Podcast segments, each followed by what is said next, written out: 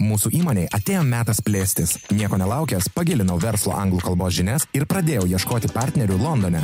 Radau, padidinome įmonės pelną 16 procentų. Yra gandų, kad man teks mokytis ir vokiečių kalbos. Kalba padeda pakeisti ateitį.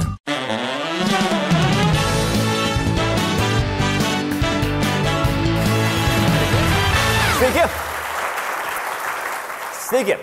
Čia laikykitės ten ir mes jau įsibėgėjom.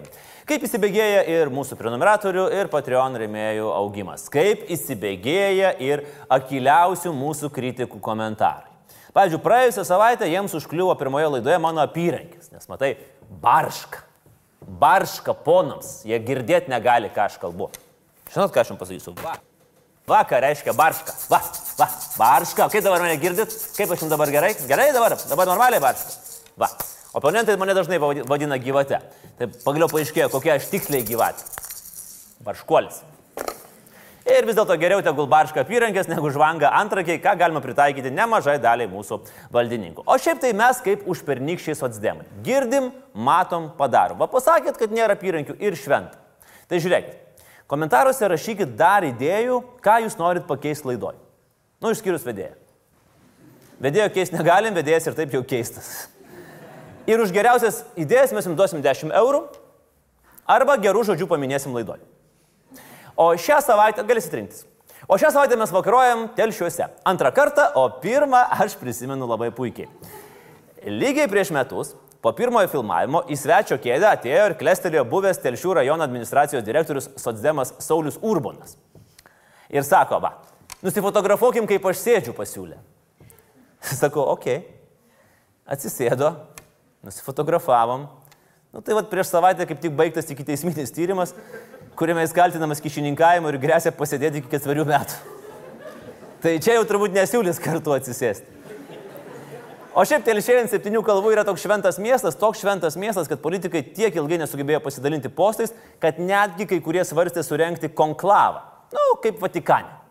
Kaip per pusę metų negalima padaryti, tai irgi nerimta atrodo. Ir, ir aš manau, kad reikėtų sėsti, nu kažkokį kaip konklavą padaryti, kol dumelis išrūks. Nu, tik, tikrai, tikrai čia yra nusprendžiamas dalykas. Nes, nes aš ne, nemanau, kad čia kas nors yra suinteresuotas tiesioginiu valdymu. Tokia, nu, tiesiog tas pažeminimas gėda būtų, jeigu taip atsitiktų. Kol dumelis išrūks sako tarybos narys, frakcijų seniūnas ir buvęs tvarkiečio aplinkos ministras Kestutis Zadanija Trečiokas. Pats beje kaip e, dūmas išrūkęs iš pažadėto telšių ligoninės vadovo posto. Biški tokį pasimetę, matyti, nei pats neapsuprant, ko bedar, aš taip galvoju. E, per daug valdžios gal pajot ar dar kas nors, ar ten susisuoks smegenėlės žmonių. Tiesiog, vat, susisuks smegenėlės, atsako jam telšiškiai ir žinokit, šitą video, man atrodo, mes naudosim ilgai ir iliustracijų. Susisuks smegenėlės. Na gerai, gėdos nebuvo, tiesioginio vyriausybės valdymo telšiuose neprireikė ir postais pagaliau pasidalinta. Vicemero kėdė, kaip ir žadėta prieš rinkimus, atiteko jaunimui. Yra kaip yra.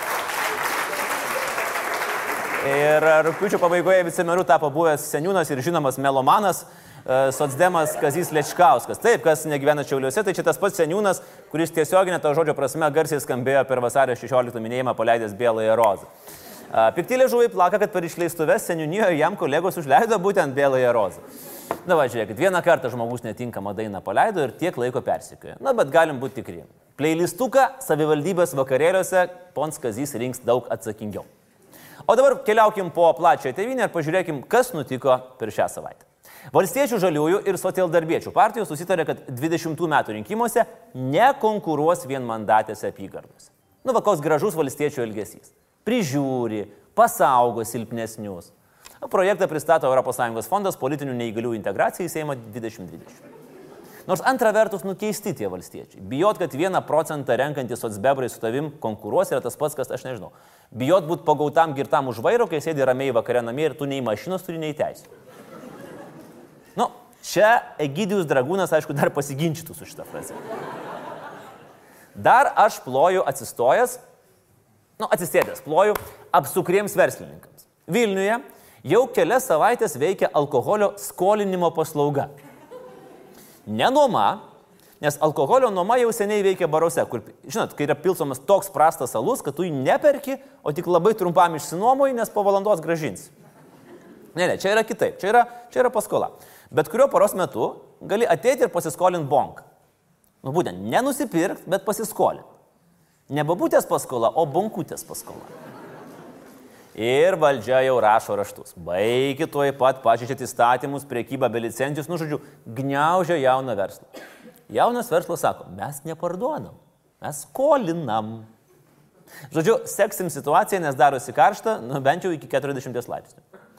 O jūs skubėkit skolintis, kol valdžia neuždarė, nes kai uždarys, tai nebereikės skolos gražinti. Išgeria ir viskas. Ir gausis toks atvirkštinis snoras ir ūkio bankas. Ir tuo pačiu metu mes siūlom naujas idėjas naujam jaunam verslui. Na pavyzdžiui, idėja numeris vienas. Programėlė CityBeer. Atrodytų kaip eilinė CityB mašina, bet bagažinė yra prikrauta alkoholio. Pasimi norimą butelį, iš kortelės nuskaičiuoja pinigus, visi patenkinti ir niekas nepažeista. Idėja numeris du. Prispirtukų nuoma. Labai patogu, jeigu prispyrė išgerti.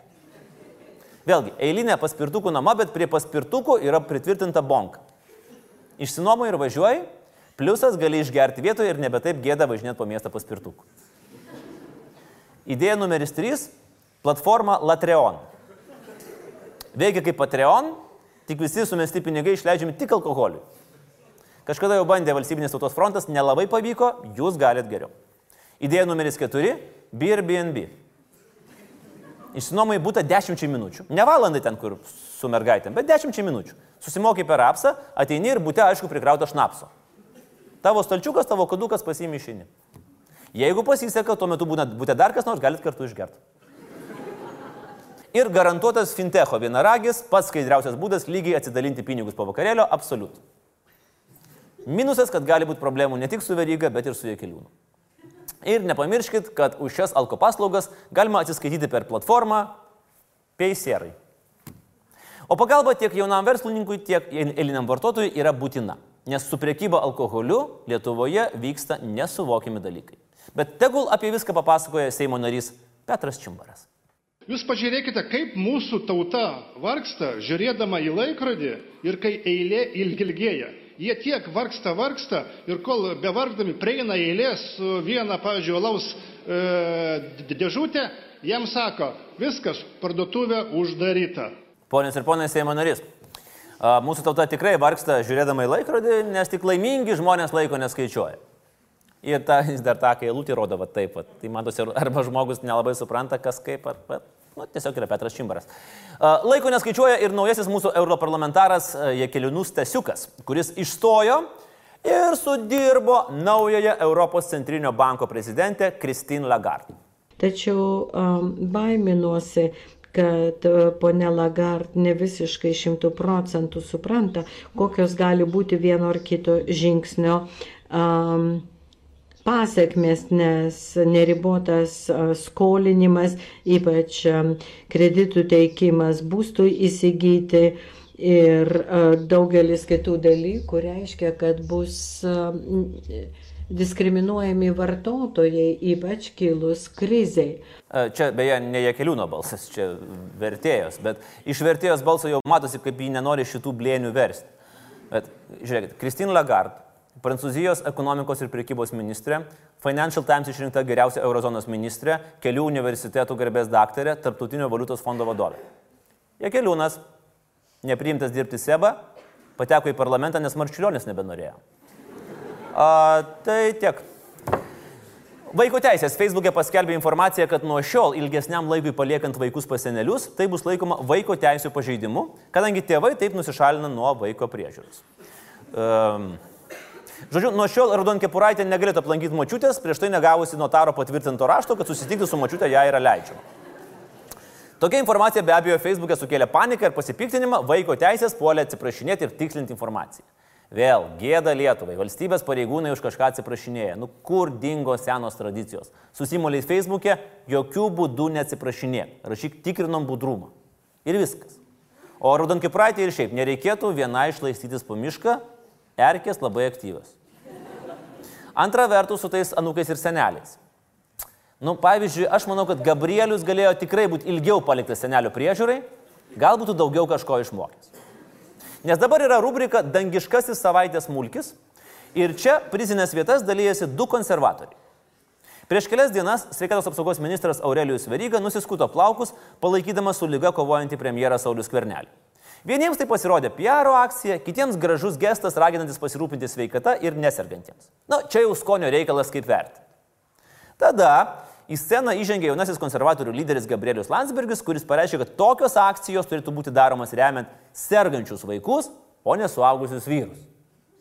Bet dangiškojo mulkio laurų jam vienam nepanoro atiduoti kitas konservatorius Kestutis Masiulis, pareiškęs, kad veryga beždžioniauja, parazituoja ir jeigu nori solidarizuotis, tegu praeina tas pačias chemoterapijas. Va. Po to ištrynė tą paustą, bet sakė, kad neatsiprašys, nes sulaukė daug palaikančių laiškų. Tai tiesiog yra wow abiems konservatoriams. Empatija - 0 iš 10, šiaip bendras suvokimas - 0 iš 10, nu ir galų gale kažkoks žmogiškas padarumas - 0 iš 10. O po to stebisi, kodėl žmonės balsuoja prieš konservatorių. Vat gal dėl to, kad žiūrint į tokius pareiškimus, skonis burnoja kaip durų rankina palaišius. Vygudas Ušackas traukiasi iš politikos ir pradeda dirbti Gedimino Žemelio Avia Solutions Group direktorių taryboje. Prieš metus sakęs, kad jokių ryšių su žemeliu neturi ir neplanuoja turėti, dabar Ušackas įmonę vadina globalaus lietuviško verslo sėkme. Įmonė, kuri dėl rizikos, dėl ryšių su Rusija yra pašalinta iš NATO konkursų. Labai jau tos rizikos sureikšmintos, sako Ušackas. Žaidęs krepšinį su KGB generolais, atostogavęs pas Čikotkos gubernatorių, bet niekada, o niekada nebuvęs palankus Rusijai. Rusija ir Baltarusija numatė nuo 2021 metų suvienyti šalių ekonomikas. Realiai reiškia, ko gero, galutinę Baltarusijos okupaciją, tik tai be žaliųjų žmogeliukų pagalbos, o su žaliųjų papieriukų pagalba. Ir tikrai liūdna turėtų būti sąmoningų Baltarusių likučiams. Pagal esamą nuotaiką jų sostinė turėtų vadintis ne Minskas, o Nusiminskas. Nekokios žinios druskininkų merui Richardui Malinauskui. Vijūnėlės dvaras yra intensyviai greunamas, jau pradėti vidaus ardymo darbai, dabar jau ardomas ir stogas. Nu va, Vijūnėlės dvaras ir Richardas Malinauskas turi tiek bendro.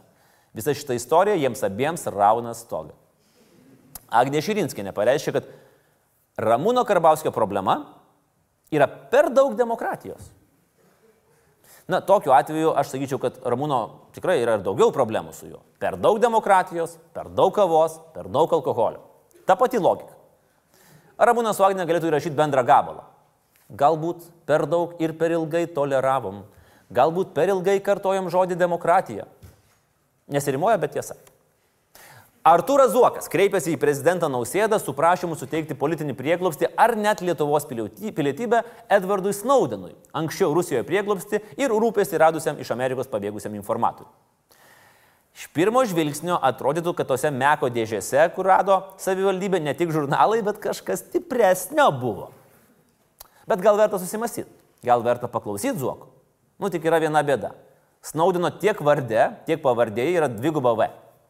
Nu, paso tikrai negalėsim išduoti, nebent susilietuvintų. Nu, su vardu paprasta, bus Edvardas. O va, pavardę teks versti. Snaus sniegas, Denguolis. Ir turim naują Lietuvos pilietį. Edvardas Snieguolis. Tik man va, šita pavardė kažką iš literatūros primena, kur Seimo pirmininkas nežinojo. Ir apskritai, ar žinot, kad apie Snaudino darbus knyga, knygą yra parašęs net garsiausia Lietuvos rašytoja - Laimė nutekėjimu. Na, o dabar metas pagrindinę mūsų laidos klausimą. Kas su mumis blogai? Kas mums negerai su galva? Kaip gali viena lentelė sukiršinti šaulį su šauliu, broliu su broliu, lietuvių su žydu? Aišku, ne taip smarkiai sukiršinti, kai susikimba iPhone ir Android gerbėjai, nu bet vis tiek blogai. Nes aišku, ten tai Jėzus Marija, jūs tik pažiūrėkit, kokia kamera, koks darbinis turis, kokia konsistencija. Čia a, telefonai nėra mano stiprioji pusė. Aišku, blogiau būtų, jeigu nebent tą nelaimingą lentelę nukabintų nuo miško sengirėje, kurią taip pat nukirstų, o medieną išmanytų į grobiamus vaikus. Tai būtų viskas viename. Todėl ir mes, kad ir kaip nesinorėtų veltis į šitą ginčą, kur jau niekas nebesiklauso jokių argumentų, tik tai reikia, na bet kaip sakė vienas žmogus, o kas eina mes. Kadangi kaip bevartysi, visas dalykas atsiriamė į holokaustą, šios dienos tema - žydų bendruomenė Lietuvoje. Ir aš pradėsiu nuo to, kaip jie atsirado Lietuvoje. Kai kas mano, kad žydai į Lietuvą ėmė kraustytis po to, kai Gediminas padarė pirmą lietuviško PR akciją, įkūrė Gau Vilnius ir pakvietė vakarų Europos pirklius ir amatininkus kurtis Lietuvoje. Bus faina, sakė Gediminas. Galėsit nemokėti mokesčių, sakė Gediminas. Niekas nepašys svastikų prie jūsų bendruomenių namų. Na, Gediminas žadėjo, o mums nesiseka. Mokesčiai auga, nu, apie svastiką turbūt irgi jau girdėjo. O šiaip patogu, nes, pavyzdžiui, jeigu buvusi kriptomilijonierių Aršauską FNTT prispaus dėl mokesčių nemokėjimų, jis sakys, taigi Gediminas leido nemokėti. Kas sureagavo į Gedučio marketingą? Gali būti, kad iš Anglijos karaliaus Edvardo iš Albijono išvaryti žydai. Dar labiau gali būti, kad Gediminą pasvaipino į dešinę ne Anglijos, o daugiau Vokietijos žydai, nes ten viduramžiais pradėjo populiarėti toks labai inovatyvus skolų sprendimo modelis. Kadangi katalikams draudžiama skolinti už pinigus, tai nišą užpildė žydai. Na ir žiūrėk, prisiskolina koks nors didikas arba šiaip buržujus auksinių ir reikia skolą gražinti. Reikia, bet nesinori. Tada sugalvojai kokią nors skambę antraštę, per pamokslą bažnyčiai paskelbė, išsiaiškino, ką žydai daro su katalikų vaikais, klausyk daugiau. Tada susirenka nebejingų piliečių minė, padaro pogromą, sudegina visą skolų buhalteriją, o tada didikas iškilmingai žydus ištrimė už savo valdų sienų. Praeina keliari metai, didikas čiulpia beržo tošį, pinigų nėra, biudžetas deficitinis. Ką jis daro? Paskelbė, kad, nu, atsit pasikarščiavau, nu, grįžkit, mėly žydai namo. Tik susimokėkit grįžimo kainą. GPM, PSD, NBA, DDT, druskos akcizą ir mūlo tarifą. Žydai grįžę, nes jie nuo mozės laikų pripratę varinėti pirmyn atgal, pirmyn atgal, nu, kaip kokie nors krepšininkai legionieriai. Nu, tai pagalvoju, tai Mindaugas Kuzminskas yra Lietuvos krepšinio žydas. Jis niekur nepritampa. Nu gerai, žydai grįžta, Vėl skolos, vėl reikia gražinti, vėl nesinori, vėl antraštė nustatė, kaip žydai nukryžiavo Jėzusėlį. Vėl minė, vėl pogromas, vėl tremtis. Natūralu, kad netgi ir tokiems kantriems žmonėms kaip aškenazių žydai tai turėjo pabosti. Ir jie natūraliai ėmė kraustytis vis toliau į rytus. Aškenaziai tai yra žydai iš vakarų Europos kalbėję jidiš. Kita didelė grupė yra sefardai, kurie daugiausiai kalbėjo jedino šnektą. Tada Aškenazai atsikraustė iki mūsų ir Vytautas suteikė jiems miesto bendruomenių privilegijas Brastoje ir Trakose. Žydams buvo leidžiama laisvai išpažinti savo tikėjimą, užsimti greitaisiais ir lietaisiais kreditais. Na, rojus žemė. Ne visai. 1495 ir Lietuvos didysis kunigačius Aleksandras sako žydams užknisot, varot iš čia. Ir išvarė žydus. Ir karai mus išvarė. Ir karai buvo tokie, what the fuck, kunigaikštai, mes čia prie ko? Mes iš Krymo atsikraustėm. O Aleksandras toks, o Krymas kieno? Žydų ir viskas, diskusijos pabaiga. Bet kai Aleksandras tapo ir Lenkijos karalium, kažkodėl persigalvojo, vėl pakeitė visus sugrįžti ir dar paskelbė vietos gyventojų skolas žydams tebegaliojančias. Kas turėjo labai nuvilti lietuvius, kurie 13 metų high-fivino vienas kitą, galvodami, kad labai čia išėjo ant pliusų. Nors visuomenėje paplitęs įsivaizdavimas apie nesuskaičiuojamus žydų turtus ir tebėra paplitęs, tikrovė buvo kitokia. Tik nedidelė dalis buvo sėkmingi verslininkai, dauguma gyveno iš smulkių verslų ir sunkiai sudūrė galą su galu. Nors ATR darėsi vis labiau vakarietiška, o tai reiškia tais laikais, kad reikia žydukus prispausti. Atsirado žydų pagalbės mokestis, pradėjus riboti prekybą miestuose, žydai žaibiškai persirintavo į išnešiojamą prekybą. Ir taip atsirado Avono, Karkerio ir Zepter podų nešiojimo į namus pirmtakas. Apribojus amatininkų veiklą, paslaugos imtos tiek kliento namuose. Ne tu eini pas batsiuvį, o batsiuvys pas tave ateina. Ne tu pas kirpėją, o kirpėjas į namus. Ne tu skolą atiduodi, o skolininkai pas tave ateina į namus. Patys, su lasda. Šitą praktiką taikoma iki šių dienų. Ir nepaisant niuansų, žydams Lietuvoje buvo gerai. Vo buvo Lietuvoje žydams. Per du amžius jų išaugo 15 kartų, Vilnius tapo svarbiausių rytų Europos kultūros žydinių žydams - su rabinų seminarija, žydų biblioteka, spaustomis ir geriausiais Europos beigeliais. Buvo ir daugiau žymesnių miestų, miestelių, štetlų, kuriuose žydai sudarė ženklę gyventojų dalį. Nu, Jodnava, Kedainiai, Šakiai, Žagarė. Taip pat galime spėti, kad nemažai žydų gyveno ir žyda Viškyje, žyda Vainiuose, žydai Kiškiuose, žyda Brastyje, žydiškėse, žydeliuose, žydkamėje ir žinoma Telšiuose. Visai netoli nuo čia, kur šiandien filmuojame laidą, iki pat sovietų okupacijos veikė viena žymiausių Lietuvos rabinų seminarijų - Ješibotas, vėliau išsikėlęs į Cleveland. Įdomus faktas, kad Ješibotas skamba kaip vienas pagrindinių transformerių veikėjų. Va šitas kairiai - autobotus Optimus Prime padėjėjas. Telšių politikai beje kaip tik žada šį seminarijos pastatą atstatyti. Tai tikimės, kad nepritrūkstam valios, nes transformerio Ješiboto geriau nersint. Reikalai pasikeitė po abiejų tautų Respublikos padalymo. Na, mes, kaip žinia, atitekom Rusijai ir mums nesiseka su tais dalinimais. Krepšinio čempionate atiteko mirtininkų grupiai, Futbolo rinktinė visada atitenka į mirtininkų grupę, nes viltis miršta dar prieš rungtynės. Ir jeigu, žinokit, visoms pasaulio šalims būtų dalinamas batonas, mes garantuotai gautume tik tą bulkos kampuką, kur vien tik tai kieta pluta. Va taip mums nesiseka.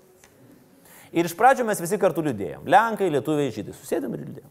Vėliau prasidėjo nacionalinio atgimimo laikotarpis. Žmonės ėmė prenumeruoti aušrą, varpą, tėvynę sargą, redaktoriai ragino prenumeruoti ir spausti varpelį, kaip aš dabar raginu jūs tą patį daryti su Laisvės TV YouTube ir viskas buvo šokoladė. Ir čia atsirado nesmagus dalykas. Svajojant apie nacionalinės valstybės, iškilo klausimas, o ką daryti su mažumom, įskaitant žydus. Lietuviai prikaišėjo, kad jie labai nulankiai carinio režimo ranką bučiuoja ir visai nedega svajonėmis apie nepriklausomą Lietuvą. Žydai atsikirtinėjo, kad kai esi pačiam visuomenės dugne, nelabai gali su valdžia pyktis. Nu, žydai buvo tarsi toks smulkaus sudaimo mokinukas, prie kurio prieina du mokyklos mušeikos ir leidžia pasirinkti, kuris iš jų dabar tave pridubasins. Viena vertus gražu, kad leidžia pasirinkti, kita vertus koks skirtumas. Prie šito dalyko prisidėjo dar ir kiti dalykai. Lietuviai tuo metu dirbo ko ne išimtinai kaime ir dirbo žemę. Žydai arba užsiminėjo amatais, arba priekybą. Ir lietuviams tai atrodė kažkaip nesažininga. Nu, čia kaip Britai, kurie skundžiasi, kad lietuviai atimė iš jų darbus, bet jau patys į vištų fabriką kojas nekels. Nu, čia įsivaizduokit, pavyzdžiui, šiandieninė situacija. Dirbi krovikų daržovių sandėlyje, tampai dėžės, prakaituoji, pavargsti kaip ciucikas. O tavo buvęs klasiokas, supranti, sėdi savo šviesiam ofise prie kompo, pažydžia stalo tenisą, pageria kavos iš brangaus aparato ir jau antrą mašiną iš salono lizinguojasi. Kitaip sakant, pats prašosi į galvą.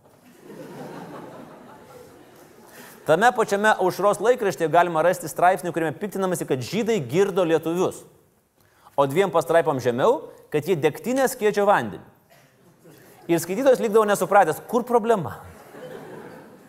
Ar kad girdo, ar kad arielka per silpna. Kudirka turėjo kitą problemą. Jis persiskaitė prancūzų ir lenkų pamfletų, kurie buvo tokie antisemitiški, kad šiais laikais net nelabai padaru jas cituot, ir tada ėmė svaigt, kad žydai yra amžini lietuvių priešai. O čia yra pamoka, kai skaitai neaiškius straipsnius, nepatingėk patikrinti faktų. Nors šiaip jau tas lietuviškas antisemitizmas buvo toks labiau kaimiškas. Nu, toks, žinot, gal labiau sinagogos langus lašiniais ištepliosim ir žvengsim, negu kad surinksim vyrus ir eisim pogromą daryti. Ir to būtinio antisemitizmo mūsų tautoje vis dar šiek tiek yra lygiai. Lyg ir suprantam, kad svastika prie žydų bendruomenės pastato nu nėra gerai. Bet eilėraštukas Facebook'e apie žydelką daugam atrodo visai normali poezija, rimuojasi, viskas ten turi.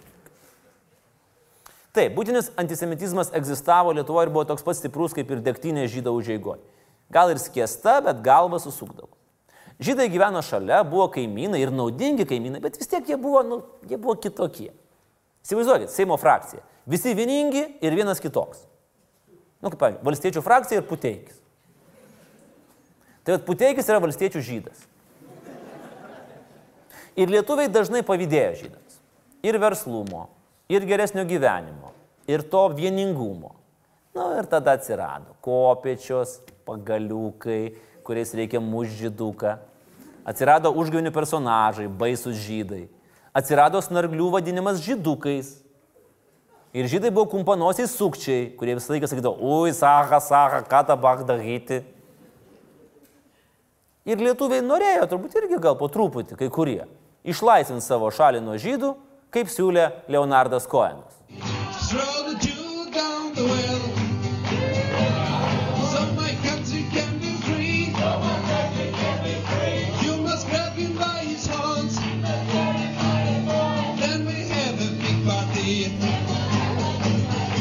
Ok, čia buvo kitas Koenas, bet jie būtų turi lietuviškų šaknų, tai nieko tokio. Ir lietuviai anksčiau galvoja, kad nu juk nieko tokio, nugi čia pokštai, čia juokučiai tokie. Vieni tik galvojo, o kiti patiliukais laukia komandos Javol. Ir žydai susidarė su dilema. Ką daryti? Vieni sako, emigruojam. Ir apie pusantro milijono išvažiavo į Ameriką. Kiti sakė, pala, nu, gal integruojamės, gal krikštyjamės, gal dirbam su savim. Na, bet žinai, žydiškumas kaip ansvaris. Jeigu ir nenumesim, tai gal po drabužiais paslėpsim. Bet tada Prancūzijoje nutiko Dreifuso byla, kurioje žydas karininkas buvo neteisingai apkaltintas tėvynės išdavimu, kilo baisus šaršalas ir Austrijos žydas Teodoras Herzlis pasakė, Hebra, viskas, čia mes ramybės nerasim, bandom grįžti į Izraelį. Buvo momentas, kai lietuvių požiūris į žydus pasikeitė. Tai sutapo su Rusijos penktų metų revoliucija, kai vis daugiau žydų jaunimo ėmė ginklų kovoti su carinė santvarka, tai kaip ir buvo prie Hebros. Nu, dar tuo pačiu metu caras įvedė degtinės monopolį, tai dėl skiestos degtinės nebebuvo galima bartis ant žydų, o reikėjo bartis ant carų. Bet prasidėjo pirmas pasaulinis karas ir pirmoji vokiečių okupacija. Žydai ją sutiko palankiau nei lietuviai, kadangi tuo metu Vokietijos imperija myla širdingiau juos traktavo negu carinė. Nu, fast forward į priekį mes turgi suprantam, kad nu, nebuvo tai strategiškai geras jų sprendimas. Lietuviai baisiai kentė, baisiai kentė lietuviai prie vokiečio, nes vokiečiai niekšai vertė lietuvų statyti pirmosius lauko tualetus, nors mūsų tautiečiai didvyriškai sabotavo okupanto hygienos planus, tualetus naudodami kaip sandėliukus. Paradoksalu, bet Lietuvos žydai anksčiau patikėjo Lietuvos nepriklausomybę negu patys lietuviai. Matyt, tiesiog blaiviai vertino 14 Amerikos prezidento Woodrow Wilsono tautų apsisprendimo principų ir nutarė, kad, nu, jeigu jau bus čia Lietuva, tai čiųjų reikės eiti už ją. Ir nepriklausomybės kovose dalyvavo virš pusantro tūkstančio žydų. 50 iš jų žuvo. Ir pirmieji naujos mūsų šalies metai tikrai buvo pažymėti harmonijos tarp abiejų tautų ženklų. Žydų advokatas Rosenbaumas lakstė po Versalio taikos konferencijai, tikinėdamas visus, kad Lietuvai turi priklausyti pusę Baltarusijos kiek nedaug trūko, ne? Žydams buvo suteikta plati kultūrinė autonomija, žodžiu, tik norėk ir mylėk. Bet jau po kelių metų pasirodė trinties ženklai. Krikdemų darbo federacija konkuravo dėl darbininkų balsų su socdemais, tai ėmė visus vadinti žydų bolševikais. Lietuvių prekybininkai konkuravo dėl klientų su žydų kolegomis, tai ėmė raginti, kad pirki tik pas lietuvius. Karininkams išvaikius Seimą ir tautos vadų pasiskyrus Smetonai nusistovėjo tokia dviejopa situacija. Pats Smetona jokių antisemitizmų nesirgo ir laikė jį urvinių reikalų. Bet jam jo poziciją stoja visokie valdemarininkai, jau fašistėjo palengva, palengva ir aišku nusitaikė į žydus. Ir čia mes randam panašų paradoksą kaip tada, kad girdo lietuvius, bet degtinės kėdžia. Tai čia iš vienos pusės žydų kapitalistai baisingai engia lietuvius, iš kitos yra bolševikai, kurie atims mūsų nusavybę. Antra vertus yra daug mito apie tos pačius žydus bolševikus. Paprasčiausia komunistų partijos narių statistika rodo, kad per du sovietinės okupacijos mėnesius rusai iš mažiausios tautinės grupės tapo didžiausia, nes partijų buvo daugiau negu lietuvių ir žydų kartu sudėjus. Antra vertus, pasižiūrėjus į tuos, kas buvo ištremti pirmoje bangoje į Sibirą, 10 procentų sudarė žydai. Kas logiška, juk pirmiausia trėmė ką? Pasiturinčius, išsilavinusius, sėkmę savo rankomis susikūrusius žmonės, dar žinomus kaip buržujus, buožės. Na, o po to, aišku, skaudžiausia tema - holokaustas. Apie jį jau daug visko prikalbėta, prisakyta, todėl leisiu savo tik vieną pastabą. Kodėl jis buvo toks baisus ir efektyvus rytų ir vidurio Europoje, o ne vakaruoje? Dėl dviejų paprastų priežasčių - durnumo ir godumo. Sovietų trėmimai vienu mostu iš šalies pašalino tūkstančius apsišvietusių žmonių, kurie tikėjo idealais ir kurie tikrai būtų priešinėsi smurtui kaimynų atžvilgių, kuriems buvo neįsivaizduojamas toks žiaurumas žmogaus gyvybei. O antrasis Nu, kam nemalonu pasimti odinės pirštinės, jeigu už jas nieko nereikia mokėti? Arba supamąją kėdę. Arba visą būtą. Todėl šitą nužmogėjimo fonę dar nuostabiau atrodo mūsų pasaulio teisuoliai, kurie gelbėjo žydus. 915 lietuvių pavardės yra amžiams iškaltos Jadvašėmo sodelėje. Tai yra tikrai, tikrieji mūsų didvyriai, kurių pavardėmis turėtume vadinti gatves, kabinti lenteles ir priminti mokyklas. Naciams ir išsigimėliams lietuviams išžudžius ko ne visus Lietuvos žydus, tema tarsi užsidarė. Jeigu Stalinas būtų pagyvenęs šiek tiek ilgiau, tai būtų ir likusius pribaigęs. Na, laimė įpėdiniai šiek tiek prispaudė stabdį, tačiau iki sąjungos pabaigos antisemitizmas buvo nepripažįstamas, bet uoliai praktikuojamas. Ir neverta stebėtis, kad išgyvenę holokaustą žydai ėmė patiliukai emigruoti į savo pažadėtąją žemę. Atgavę savo valstybę, ėmėm palengva darytis Izraelį. Ir pirmoju katalizatorium tapo 95 metais atliktas prezidento Brazausko atsiprašymas Knesete. Aš kaip valstybės prezidentas Kalbėdamas aš atsakau savo žodžius. Ir aš žinoma, tiek, kiek nuo manęs priklauso pagal mano konstitucinės teisės ir įgaliojimus, aš pasistengsiu, kad būtų šitas darbamas vykdomas, kad tų dėmių tarp mūsų nebūtų. Tokį prezidento poelgį suprato ne visi tautiečiai. Nu ir kilo didelis šaršalas. Ta prasme atsiprašė. Ta prasme. Už ką? Aš žydų nešaudžiu. Mano tėvas nešaudė.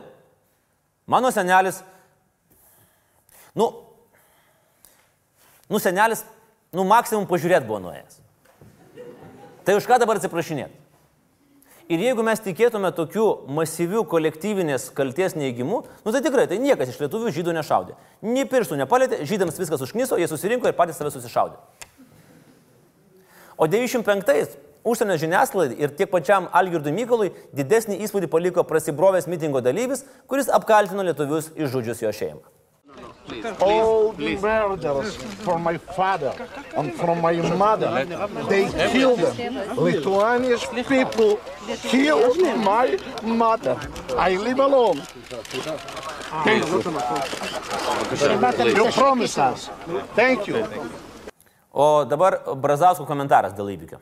tas žmogus, toks, nu, sielos, sakyčiau, širdies skausmas, nes išnaikino visą šeimą. Kad aš neturėjau ką jam pasakyti, ten tokia aptv- aptvaras.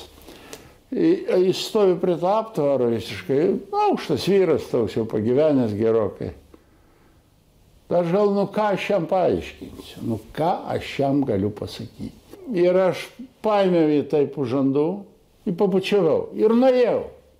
Nu, iš tikrųjų, nejaukus momentas, kai realiai nežinai, ką daryti. Nu, ką tu paaiškini, tu angliškai nemoki. Na, bet tikrai, bučinys nėra blogiausias sprendimas. Prezidentas galėjo nueiti, galėjo nualpti, galėjo apsimesti, kad negirdi. Arba dar blogiau, kai kalba pasisuka apie holokaustą Izraelyje, stovėt, šypsotis ir linksėt. There are many Israelis of uh, uh, Lithuanian descent. You're talking to one of them. Uh, but uh, this, is a, this is a bridge from the past to a future. Na, Nedaug už ką gyvenime galime dėkoti Brazauskui, bet e, be atsiprašymų Izraeliui dar aišku yra trys svarbus dalykai. Pasiprašymas stoti į ES, pasiprašymas stoti NATO ir žinoma šitas video, už kurį mes jam dėkingi amžiams.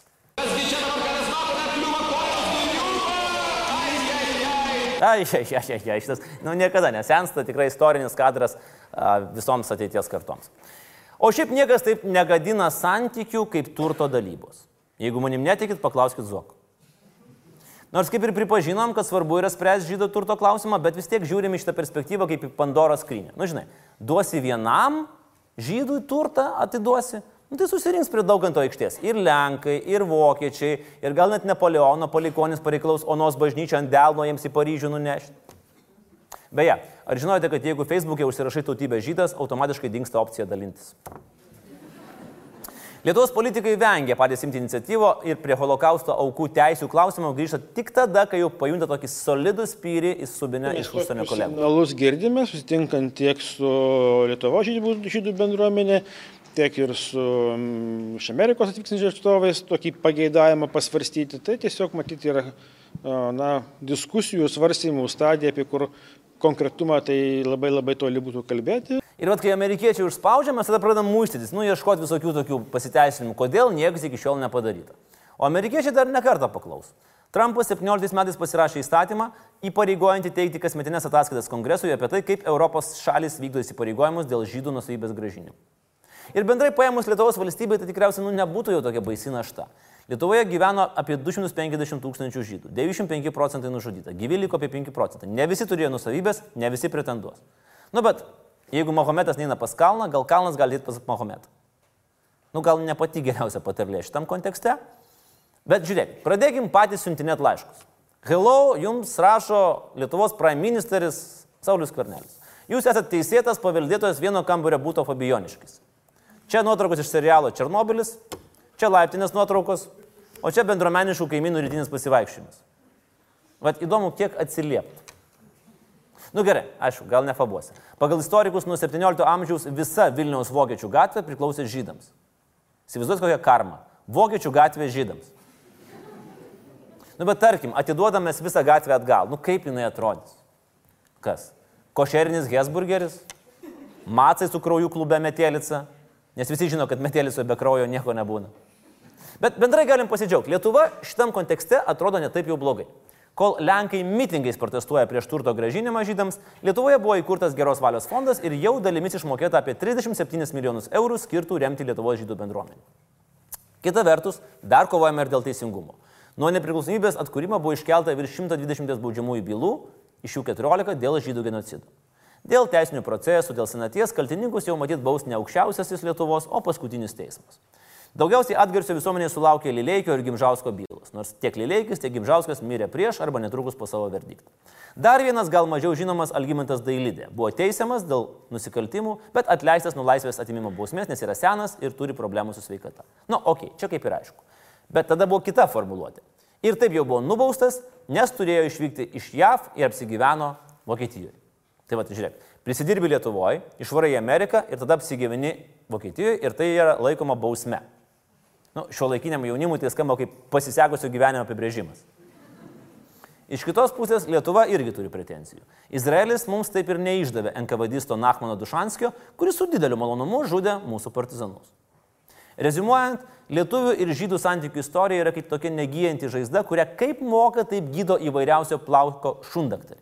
Tai pleistrus deda, tai trauklapius, tai kremukais, kur Instagramo influenceriai reklamuoja tepą, tai apskritai siūlo koją nupjauti. Užuot pakvietę medicinos profesorius, kurie paskirtų ilgalaikį gydimą. Gal nemalonų, bet veiksmingą. Nes pripažinkim, iš mūsų pusės lietuvių ir žydų santykių istorija yra šiek tiek kaip chlamydijos. Nemaloniai nešti, nesmagu, kad pasigavai, baisu pas daktarai ir kiek gėdos, jeigu kas nors išviešins ir užbadys pirštais. Kita problema, kad istorija, kaip lengvo elgesio moterį, ima kas nori, nesiplovė ranku ir interpretuoja kaip nori. Vanagaitė dailiai manipuliuoja naivuoliais, važinėdama po užsienio žydų bendruomenės ir pasakodama blėnius, kaip lietuviai su jais susidorojo ir uždraudė knygą mūsiškiai, nes bijo teisybės apie žydšaudžius. Nu ir ką? Kokie nors ant Filadelfijos žydai gilinsis, kad ponia meluoja kaip šyva kumelė ir kad ne valstybė uždraudė knygą, o privati leidikla ir ne dėl žydšaudžių, o dėl to, kad ponia apšmeičia partizanų vaną vadą. Aišku, kad ne. Aišku, jiems bus aišku, Lietuvos valdžioje nacijai ir jie tik ir svajoja vėl sugražinti Vilniaus getą. Pirmose eilėse stovi ir tokie veikėjai kaip Grantas Gočinas ar Davidas Kacas, jie pavertė absoliutų purvo pilimą ant Lietuvos srauto tiesiog meno formą. Paskaičius jų straipsnius, bet kuriam žydui susidarytų įspūdis, kad tik atskridus į Vilnių, jis bus nuvestas į kambariuką, gaus geltoną raištį ir jam bus uždrausta vaikščioti šalygatviais. Ir nenustabu, kad šitą trijulę taip mielai pasitelkia į pagalbą Kremliaus propagandos priemonės. Iš kitos pusės mes turime nuostabę Lietuvą lietuviams, deglus, nacionalistus, propatrijas, marginalius politikus, kuriems lentelių karas tapo unikalių šansų tapti svarbiais ir netgi patekti teliką. Mes turime kvazi nacijų siautėjimą socialiniuose tinkluose ir krūvas komentarų besidžiaugiančių po žydų bendruomenės langai sukrauta svastika. Ir tai man primena seną žydišką anegdotą. Grįžta mažasis monė iš mokyklos Vilniui verkdamas. Ko verkys, sako, mama mane pavadino žydišką mordą. Nieko, sako mama.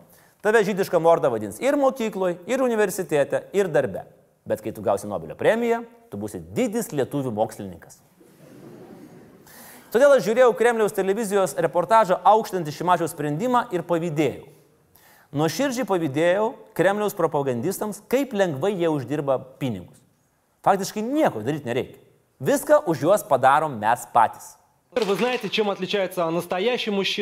Ar žinote, kuo skiriasi tikras vyras nuo vyriškos giminės? Tikras vyras atsako už savo sprendimus, už savo žodžius. Jis savo žodžių šeimininkas. Ir man atrodo, kad Vilniaus meras tikras vyras. Kaip sako kitas senas žydiškas anegdotas, žinot, Solomonai Moisėvičių, jūsų mošė taip bjauriai grįžęs muiku, kad noriu išdaužyti jums langus. Nu ir ką jūs pasieksit? Jūs tik dar geriau jį girdėsit. Ir šiame bendrame kauksme prieš menulį dėja pasimiršta tokie bendrybės skatinantis dalykai, kaip prieš keliarius metus vykęs molėtų maršas, kur koja kojon prisiminti išžudytus žydus ėjo naujosios lietuvių ir žydų šalies kartos. Ir šiame bendrame kauksme kiek mes prarandam galimybę? Nu juk mesk akmenį į turtingą ir protingą žydą. Nublemba, labai bloga analogija, bet, nu, tik to. Mesk ir vis tiek pataikysi į litvaką su lietuviškom šaknim. Įsivaizduojat, Jeigu jie būtų likę, kokią mes turėtume Dreamteam profesionalų vyriausybę, sudarę iš mūsų laikais gyvenusių. Įsivaizduokit, pirmi trys Izraelio prezidentai buvo litvakai. Ką tik buvęs prezidentų Nobelio premijos laureatas Simonas Peresas ir dabartinis Rovinas Ryblinas yra iš Vilniaus Gaon. Litvakai ir minėtas premjeras Netanjahu ir buvęs aukščiausio teismo teisėjas ah ah Aharonas Barakas. Litvakai. Armiją atidodam Wesley Clarkui. Jau buvo NATO vadu, susitvarkys ir čia. Švietimą Emanueliui Levinui. Finansus Benui Bernankiai. Centrinio Amerikos banko vadovų ir taip toliau. A, beje, apie pinigus. Fun fact. Pirmą Amerikos vieno cento monetą nukalė mūsų kraštėtis iš Šiaulių, ponas Brenneris. Toks nekuklus jaunuolis, nes gavo velnių už tai, kad ant monetos įsiraitė per didelius savo paties inicialus. Na, nu, matosi, kad iš Šiaulių. Teko susipaprastinti. Realiai galim rinktis vien tik tai iš Nobelio premijos laureatų. Jų yra virš 20 ir 20 litvakų. Tokia aukštesnė kartelė, negu susikalbėti angliškai. Statybas gali prižiūrėti Masimilianas Fuksas, Lolivudas, o gal geriau Lietovudas, suklestėtų su Harrisonu Fordu ir Čarlzu Bronsonu prieš akį, Litvakai. O smuiko ir pinino virtuozams sutalpinti reikėtų antros filharmonijos. Ir dar su šachmatų kampeliu pašoniai. O rašytojų sąjungai ant langų susimestų dar kiti Nobelio laureatai ir va, kaip būtų galima gyventi. Nu, dėl savivaldybės tai Boriso Johnsono prosenelį irgi yra iš čia. Nu, bet, ai, nu, tas gal tegu lieka. Ir kad nebūtų vien tik tai rimti dėdės ir tėtos, čia aš ne apie Johnsoną, rubrikoje žmonės, žinoma, buvusioje mūsų dievuko išrinktoji, irgi yra mūsiškė Lietuvakė. O pabaigai, kažkuri su idiotėjusi Lietuvos žiniasklaidos priemonė paleido tokią apklausą prieš keliarius metus. Ar reikia, kad į Lietuvą grįžtų žydai? Nu ir balsavome samasis. Po li litą. Reikia, nereikia. O vienas senas gudrus žydas žiūrėjo, žiūrėjo ir mestelėjo repliką. Norėtumėt norėtumėt, kad į Lietuvą grįžtų žydai? Jų kapitalas, jų turistiniai pinigai, jų intelektinis potencialas, jų proveržio technologijos ir strateginis matymas. Bet 800 metų bendros istorijos ne vanduo. Norėtume, kad jie grįžtų ir čia rastų interaktyvų žydiškojo Vilniaus paveldą, rastų didžiąją sinagogą, paminklus žymiausiams žydams ir paminklus žydus gelbėjusiems lietuviams. Kad rastų istorinį muziejų, apie kurį garsas eitų nuo Jeruzalės iki New Yorko kad rastų kur investuoti ir kur išleisti savo šekelius. Ir kaip prašė žymusis Šalom Aleichimas, apsakėme, jeigu aš būčiau Rothschildas, įkurčiau didžiulę labdaros draugiją, kad jį visus žydus aprūpintų uždarbių, kad visi gyventų draugiškai, kad ješyvose studijuotų Talmudą, o virš visų ješyvų būtų vyriausiai ješyva. Ir kur jį būtų? Žinoma, Vilniuje. Deja, kol kas jie randa svastiką po savo bendruomenės langais. Bet, kaip sako senas žydiškas anegdotas, kodėl patriotai lietuviai neparduoda savo tėvynės. Nes tokią tėvynę parduot sugebėtų tik žydai. Tiek šiandien, laikykitės ten laidoje. Ačiū žiūrėjusiems. Nepamirškite mūsų kitų laidų. Startavo katukai, startavo rytas, startavo mūsų rudens sezonas. Mes pasimatysime kitą savaitę, kai laikykitės ten, susirenka savo daikčiukus, susirenka šmutkelės, nusiperka bilietus, važiuoja į Londoną ir kalba tiesiai, šviesiai apie emigravusius lietuvius. Ir nebegrįžta. Gali būti tai bus paskutinė mūsų laida. Žiūrėkit atidžiai. Ačiū. Iki.